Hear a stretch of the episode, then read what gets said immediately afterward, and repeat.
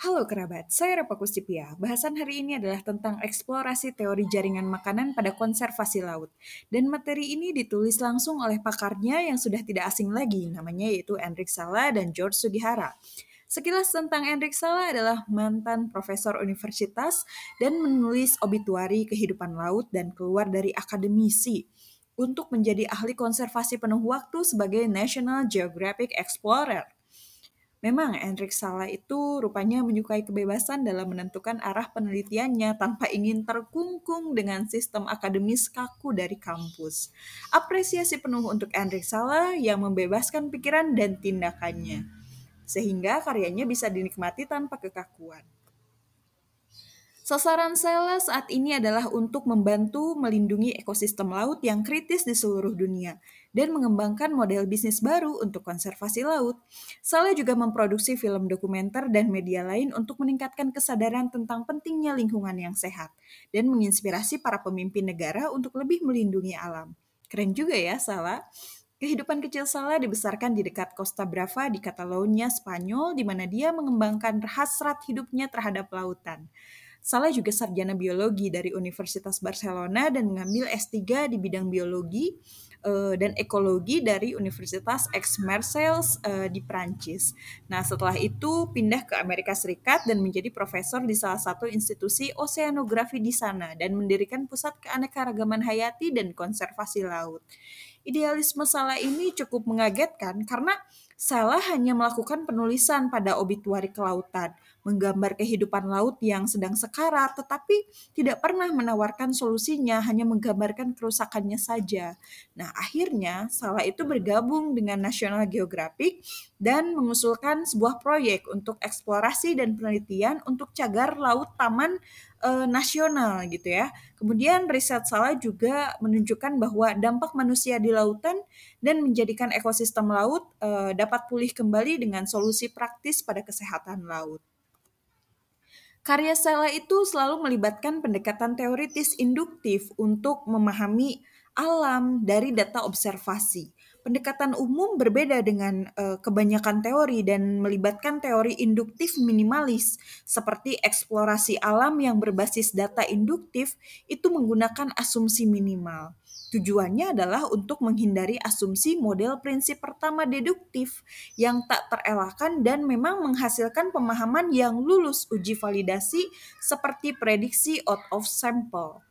Nah, sedangkan George Sugihara itu merupakan profesor ilmu pengetahuan alam yang memang memiliki latar belakang pendidikannya mempelajari sumber daya alam, matematika untuk ekologi dan matematika untuk biologi. Minat penelitiannya Sugihara itu unik, meliputi teori kompleksitas. Nah, teori ini proses uh, pemerolehan bahasa dengan menggabungkan linguistik, sosial, dan pertimbangan psikologis tradisional oleh pemeroleh bahasa. Kemudian uh, Sugihara juga tertarik uh, meriset pada dinamika nonlinier. Jadi kalau dalam matematika dan fisika itu dinamika nonlinier atau teori chaos ya mendeskripsikan perilaku sistem dinamika nonlinier yang uh, mungkin menunjukkan dinamika yang sangat sensitif terhadap kondisi awal. Seperti ya secara populer itu dirujuk sebagai efek uh, kupu-kupu. Kemudian Sugihara juga tertarik pada patologi kriptik, struktur jaringan makanan, pola kelimpahan spesies, kemudian pada konservasi dalam biologi, kontrol biologis, pemodelan iklim empiris, peramalan perikanan dan desain, serta implementasi pasar pada turunan untuk perikanan. Nah, sekarang mulai membahas tulisannya tentang teori jaringan makanan yang ditulis oleh Enrik Sala dan George Sugihara. Diawali dari bioma, jadi secara umum didefinisikan sebagai wilayah yang memiliki sifat geografis atau iklim yang sama yang meliputi komunitas tumbuhan, hewan, organisme tanah, bakteri, dan virus. Sayangnya, anggapan lama ini ternyata salah besar ketika kemajuan teknologi diprediksi dapat mengurangi kehidupan dunia lautan ke ukuran yang memang fana dengan memperkuat input manusia sebagai penghasil. Nah, penghasil di sini bisa penghasil pencemaran atau penghasil solusi dan memperbesar hasil-hasilnya seperti kegiatan memancing. Dan fakta pembesaran ini digabungkan dengan bukti dampak awal manusia, di mana manusia memiliki dengan cepat untuk menyusul mitos sejarah kita tentang yang tak terbatas pada kehidupan laut. Beberapa dekade terakhir khususnya telah terjadi hal-hal yang sangat keras terhadap ekosistem laut dan mitos kita tentang kekokohan mereka. Semuanya telah memudar saksi zona hipoksia. Jadi hipoksia itu adalah tidak adanya cukup oksigen dalam jaringan untuk mempertahankan fungsi tubuh. Nah, saksi zona hipoksia ini luas. Kalau diukur secara ekologis bisa 20.000 km persegi. Nah, biasanya ada di uh, gurun gitu salah satu contohnya adalah di gurun yang ada di Teluk Meksiko. Nah, itu banyak ya hal-hal seperti ini gitu. Kemudian ada juga dampaknya dari kegagalan pesisir dan keruntuhan banyak hal yang dilaporkan baru-baru ini yang melibatkan perikanan ternyata besar juga hingga 10% dari penangkapan ikan pra-industri. Nah, keadaan ini sangat mencemaskan bagi para konservasionis karena bencana ekologi di sistem kelautan itu sedang mekar penuh. Bencana-bencana ini adalah eksperimen yang tidak diinginkan dan tidak terkontrol dan ironisnya dapat memajukan pemahaman tentang fungsi dan struktur sistem kelautan dan akhirnya dapat membantu menyelamatkan mereka. Memang contoh eksploitasi perikanan yang berlebihan itu dapat memberikan hasil yang penting pada data ekologi yang telah sangat berguna untuk ahli ekologi dan ilmuwan perikanan laut dan mungkin dapat berkontribusi pada pemahaman umum tentang populasi kelautan dan jaringan makanan. Nah, ini berharga, tapi sebenarnya data ini cukup mahal untuk ilmu kelautan karena beberapa di antaranya merupakan perubahan yang mungkin tidak mungkin uh, dikembalikan. Kemudian melanjutkan dari sisi negatifnya. Percepatan dalam lingkungan ini misalnya ternyata merupakan kesengsaraan dan harus hati-hati dalam pembentukan urgensi sebagai pemahaman yang lebih baik tentang ekosistem laut dan untuk kebutuhan dalam menghubungkan pengetahuan ini terlebih untuk konservasi dan lebih baik dalam pengelolaan sumber daya. Mengingat latar belakang ini merupakan tantangan khusus dan langsung dari ekologi dan teori jaringan makanan secara umum untuk menyumbangkan pengetahuan yang dapat digunakan untuk menilai dan akhirnya mengelola. Ekosistem laut menuju keadaan yang diinginkan dan jauh dari bencana. Dengan indikator kuantitatif dapat diketahui kapan kondisi laut terancam.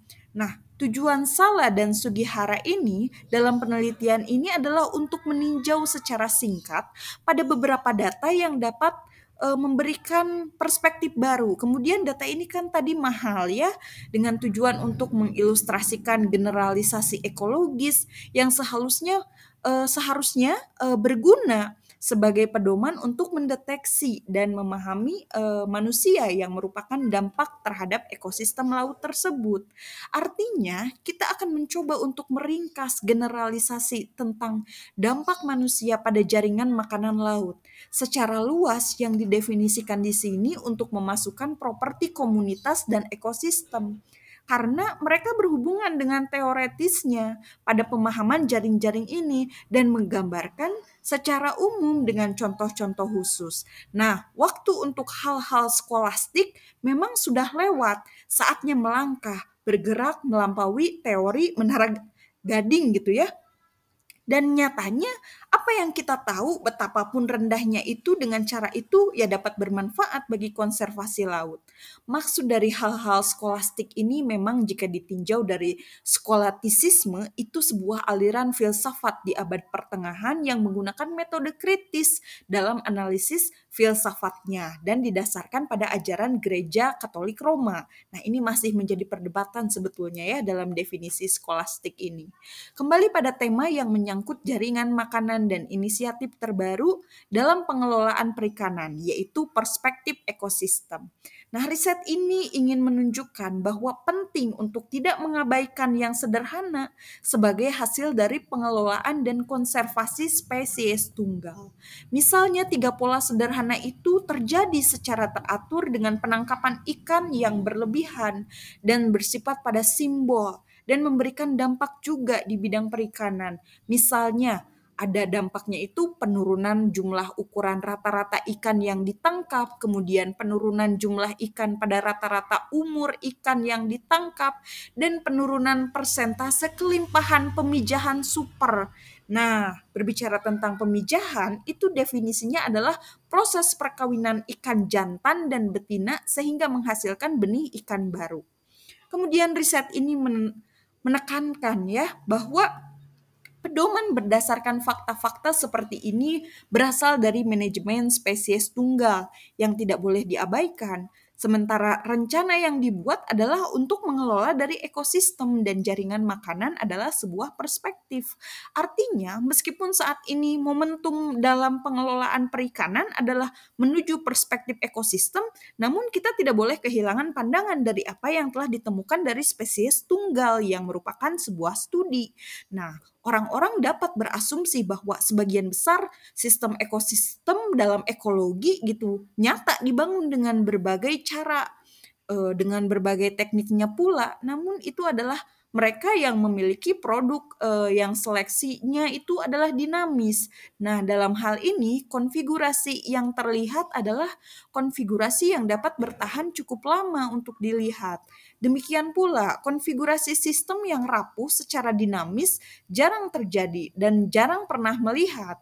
Meski tidak dipublikasikan dengan baik, ide ini kan didemonstrasikan dalam model cukup awal di mana terlihat dinamika dalam seleksi mampu mereproduksi beberapa hal yang sulit pada keteraturan jaring-jaring makanan, termasuk adanya sirkuit kaku. Nah, sirkuit kaku itu isinya biasanya adalah triangulasi. Artinya, lebih sering daripada tidak. Nah, di sini juga terlihat ada secara acak itu dirakit. Sistem model sederhana itu bisa besar, kemudian bisa acak, dan awalnya bisa saja tidak stabil. Hal ini cenderung meluruh secara dinamis ke dalam konfigurasi non-acak atau non-random yang memiliki kekhasan topologi yang ditemukan di jaringan makanan alami. Nah, kumpulan model ini kan diselesaikan dengan pemilihan yang dinamis itu melalui kepunahan. Nah, kemudian ada kekumpulan yang sangat stabil yang lebih kecil dan memiliki banyak atribut topologi, seperti di dalamnya ada triangulasi juga yang terlihat di alam dan tidak mengherankan. Nah, ini adalah contoh organisasi mandiri sebenarnya. Dalam nada yang sama, orang dapat berspekulasi bahwa secara nyata ini adalah sebuah sistem. Namun ada juga yang menyebutkan bahwa ini adalah kaskade atau kaskad uh, trofik potensial. Artinya ada rantai linier spesies yang sangat berinteraksi di dalamnya. Ya memang jarang terjadi dan akan lebih sering dikaitkan dengan omnivora ya. Nah, hal ini ditemukan di Karibia pada sistem terumbu karang. Terjadinya interaksi yang kuat dalam rantai makanan tritrofik, artinya tidak e, tiga tingkat e, trofik yang terhubung secara hierarkis oleh dua predator yang kuat di e, lautan tersebut gitu. Nah, pada jaring makanan terumbu karang di Karibia ini lebih jarang dari yang diharapkan secara kebetulan. Jadi seperti manusia versus predator ya seperti itu e, bisa saja terjadi gitu. Kemudian di sini e, diterangkan pada risetnya di jaringan yang sama, predator teratas itu seperti data yang ada ya anjing laut dan hiu itu uh, masuk pada 24% dari jaringan. Nah, jaringan makanan di hadapan predator puncak laut ya umumnya menunjukkan kompleksitas yang lebih besar daripada di dalam ketidakhadiran mereka ya. Jadi jaringan makanan yang telah terdegradasi oleh penangkapan ikan yang berlebihan telah kehilangan peraturan top down yang diberikan oleh yang lain yaitu predator dan semakin dipengaruhi oleh faktor bottom up Nah, meskipun manusia itu berpengaruh pada top down yang tangguh dan merupakan kontrol pada jaringan makanan laut, tetapi tidak seperti spesies laut lainnya gitu yang posisinya sebagai predator dan manusia juga harus meningkatkan uh, kemungkinan fluktuasi besar dan kes, uh, ketidakstabilan pada akhirnya dalam struktur jaringan makanan ini. Nah, jaringan makanan yang mengalami eutrofikasi ya, eutrofikasi itu adalah um, proses di mana seluruh badan air atau sebagian darinya secara bertahap mengalami peningkatan kadar mineral dan nutrien, eh, terutama nitrogen dan fosforus. Eutrofikasi juga didefinisikan sebagai peningkatan produktivitas fitoplankton yang disebabkan oleh meningkatnya unsur nutrien. Nah, hal ini kan dapat mengakibatkan ganggang uh, plankton tonik ya uh, dan penghapusan uh, besar gitu pada herbivora di jaringan makanan uh, terutama di pantai yang tropis. Nah, itu dapat memfasilitasi munculnya penyakit rumput laut. Dan sepertinya sangat berdampak sekali ya kerabat bahwa pengaruh pengambilan beberapa spesies laut juga menentukan interaksi predator. Dan jika makanan predator berkurang, ya tidak ada yang berkembang biak dan berdampak manusia gitu ya eh, pada manusia gitu ya. Eh, tidak akan memiliki eh, sumber pangan air juga dari sektor kelautan karena makanannya sudah habis oleh predator. Nah, betul-betul unik risetnya uh, Sala dan uh, Sugihara ini di mana jarang sekali diperhatikan dan hal ini perlu pengawasan juga agar tidak banyak eksploitasi berlebihan yang merusak kesehatan laut.